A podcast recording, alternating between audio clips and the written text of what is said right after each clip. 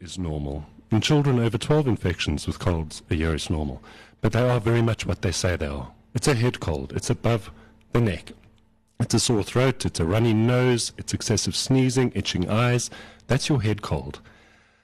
The crossover comes with complications. A head cold can turn into bronchitis. It can turn into a full-blown sinus infection if left unattended. The difference between that and a flu is a flu hits you much harder, much earlier, and affects your whole body. It goes through the muscular system. It makes your bones ache. It mm-hmm. makes the muscles stiff. You start getting Yeah. spasms throughout the body. And you're a lot more unable to complete your day at work. That, mm-hmm. that's the difference of the flu. And flu viruses adapt very quickly, especially the human flu. It's one of the fastest adapting, adapting or evolving or mutating viruses. It changes every year. Ja. It becomes something else as we are exposed to it. And flu viruses need us to survive. So this time of the year, they get into us because our behavior changes and we start picking up more and more infections and around people that spread the infections that much more. Ja. So flu viruses mutate, and we get the special group of swine and bird flu, which is, is very active this year, especially swine flu, which is much more severe infection from the outside and it outset, and it goes straight into the chest. Ja. Um, so we very much need them, but we also very much need to look after ourselves when we get them. Rest, listen to your body. And if you listen carefully, you'll know if you need extra help, if you need to see a physician or speak to someone. If you start hearing your breath sounds, if you hear yourself breathing when you're quiet at night, if you know your body and you know that fever is going on too long, by day two, you need additional help. The young and the old, the very young and the old are the groups that we watch the most, and um, we, we, we treat them early because the complications are that much more severe. Hmm. And also, if you've had a very bad chest infection or a bronchitis pneumonia in the last six months, I'd recommend you get help on the outset Yeah. immediately Yeah. so to prevent it recurring.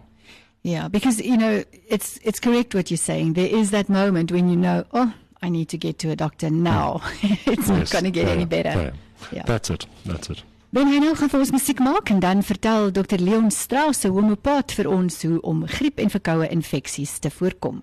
En ons ben hy nou hier op SFM ons gesels met uh, Dr Leon Strauss, hy's 'n homeopaat en ons onderwerp vandag is griep en verkoues. So Leon, how can you prevent getting cold and flu infections? You've explained now the difference between the two, but um, and and you said that we need them in a way, but yeah, we'd like to prevent them.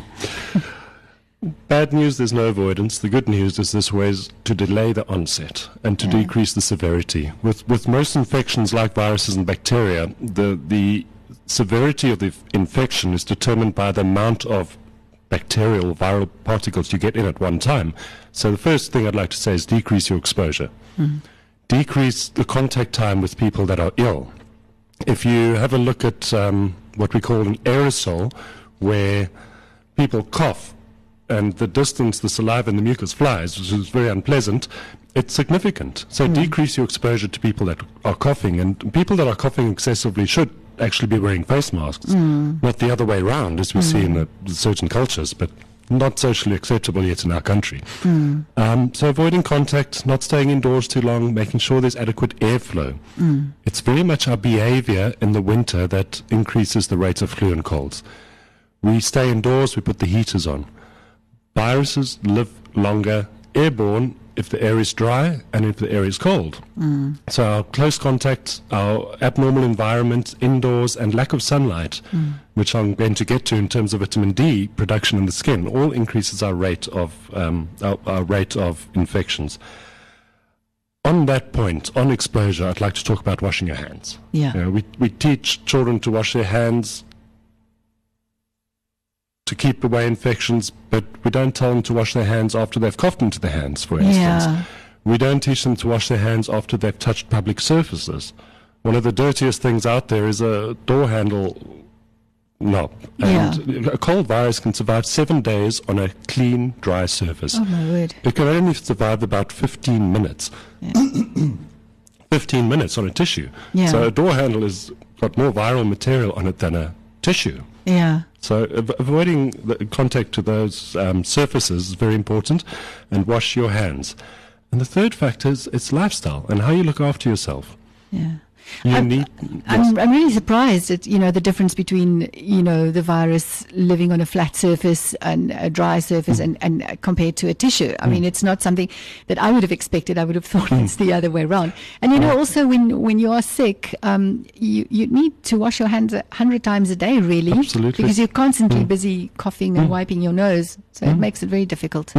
Uh, uh, uh, definitely, and if you, you have children around you, you work with children even more so. Yeah. Uh, There's a term for children. They, they are very much reservoirs of bacterial and viral infections.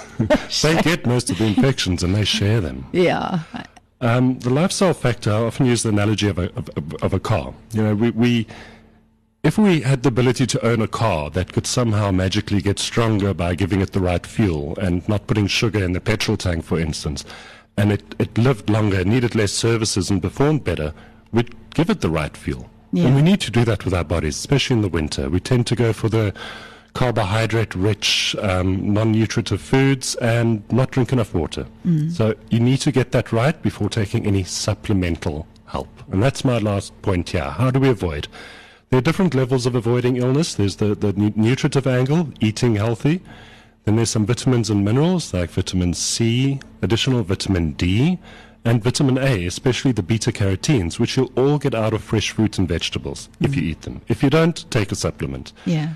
Um, to bring in a different level of protection, I'd like to talk about a, a, a product called Oscillococcinum, um, French product. It's been on the market over 80 years and um, very much decreases the severity and delays the onset of, of flu, mm-hmm. most flu viruses. Yeah. So taking Oscillococcinum, I recommend to my patients to just take, even if it's half a vial, they come in mm. small vials mm. with, with pullules, tiny little sugar balls in them, and taking a dose once a week just to build your body up, to prepare it for the infection, so that when it hits, it's not as bad.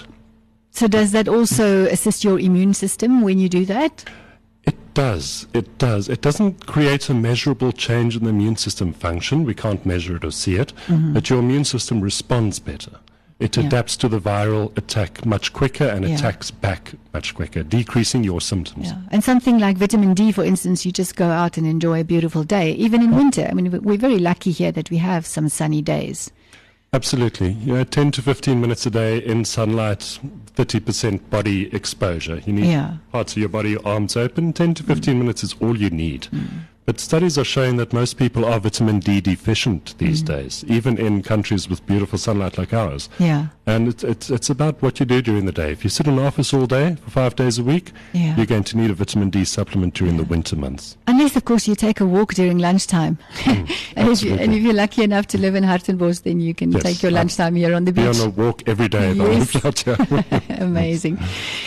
So na daardie mond vol het jy nou tyd nodig om dit alles te absorbeer. So 'n stukkie musiek van Lucas de Beer. Ek verdien dit nie en dan gesels ons met Dr Leon Strauss, 'n homeopaat oor natuurlike remedies vir verkoue en griep. Lucas de Beer, ek verdien dit nie. Baie jammer vir homself vanoggend 28 minute na 10 dis Woensdag 3 Julie. Ons gesels met Dr Leon Strauss. Hy's 'n homeopaat en ons praat oor verkoues en griep. So Leon, which natural medicines would you recommend for colds and flu? It, when, it, when it comes to cold and flu, there's a long list of natural medicines you can take. There's a lot of um, folklore and tradition around how we treat these conditions, and the fact is, most people with a cold get better spontaneously. So, treating it is a question mark as to how ill you get when you get a cold. So, if you t- get, tend to get a cold and it progresses to other symptoms, um, there's a lovely product called Coryzalia. Um, it is a homeopathic product, which means it's low dose, and taking it frequently makes the difference. It doesn't help taking three tablets in the morning and three at night. We want you taking one tablet every hour for the duration of the day. And Coryzalia will cover symptoms like sneezing and irritation in the eyes and a sore throat. Um, very much a hay fever picture as well, which we see a lot of down here, especially when this berg wind blows over the whole area. Um, nice to keep with you and take at the early onset to try and help those symptoms, almost like a natural antihistamine. When it comes to flu, when the flu hits and you feel it in your bones, um, comes in again. Yeah, you take it more frequently, up to every hour for the first day until you start feeling better, and then you can decrease the the repetition down to two hourly and down to three hourly until you clear, until the flu symptoms are gone. Um, and if you do develop a cough, the, the product I frequently recommend is Stodal. It's available in most pharmacies and um, health shops. Stodal can also be used as a pre- prevention, which I didn't mention earlier, especially in your highly compromised um, groups, the elderly, and in children. Mm. Stodal has a lovely taste. It's a big plus, especially with kids, and it also helps to open the airways up a bit and help breathing and has some ingredients that helps with sinus infection. So I recommend it with children just once a day as prevention. As soon as they start coughing, you can give it frequently. The three products I've mentioned now are safe to take with other medication. They're safe in, in babies. They're safe in elderly age groups. They're not going to cause any adverse reactions, which is a, a major factor when it comes to cold and flu medication mm. today. Um, I also work a lot with the herbal medication, and I'd, I'd like to list two here. Um, Sambucus, elderberry, particularly black Sambucus, is lovely as an antiviral product to take as soon as you develop the symptoms, but it also works to clear up the sinuses. Mm. It thins the mucus out in the sinus sinus membranes. Yeah. And additionally, echinacea, which I think most people are aware of today. Echinacea has a wonderful effect on priming the immune system, making it more tolerant to not overreact when you pick up an infection. So you don't yeah. get too much of a fever or too much yeah. of a sore throat, and the body heals a lot quicker after that.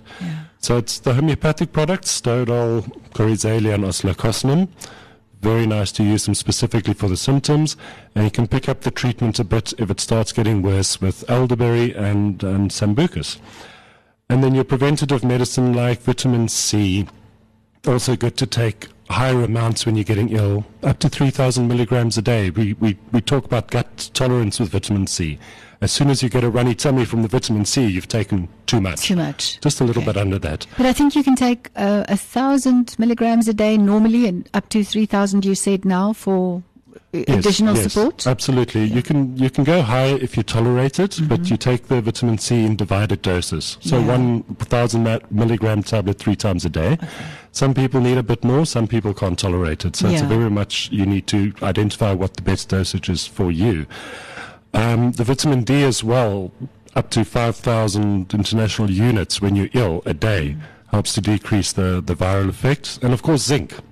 Zinc is lovely to take um, in high dose to treat viral infections, and it also helps to increase the healing time of your mucous membranes, your yeah. inside skin, helping it to regenerate and become healthier after infection.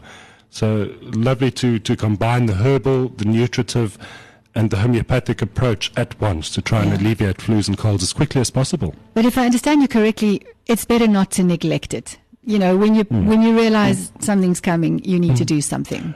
Absolutely. I, I, come back to the same analogy of this wonderful car that performs better if you give it healthy petrol. Um, if we hear something knocking in the car, we hear something grinding, and we're driving on the open road, we get it seen to because we know something very bad yeah. can happen. And, and yeah. same with the human body. Yeah. We shouldn't ignore symptoms. We need to take a break, rest, listen, and address it as soon as possible. Okay, so if you're nice to your car, you need to be nicer to yourself. so, Leon, thank you very much. I think we're ready for the rest of winter now. Uh, would you like to just give your contact details if people want to be in touch? Certainly. Uh, you can find me on Google under Leon Strauss or contact the practice on 044 873 3345. And that, that isn't George, or you can Google me, I should come up. Uh dit was dan ons gesprek oor winterkoues en griep. Ek hoop jy het dit alles gehoor. En uh ons gaan nou afskeid neem van Dr Leon Strauss, uh, handelspreek neem en dan is dit Joreen Rich se beurt met sal jy. 90.1 104.1 SFM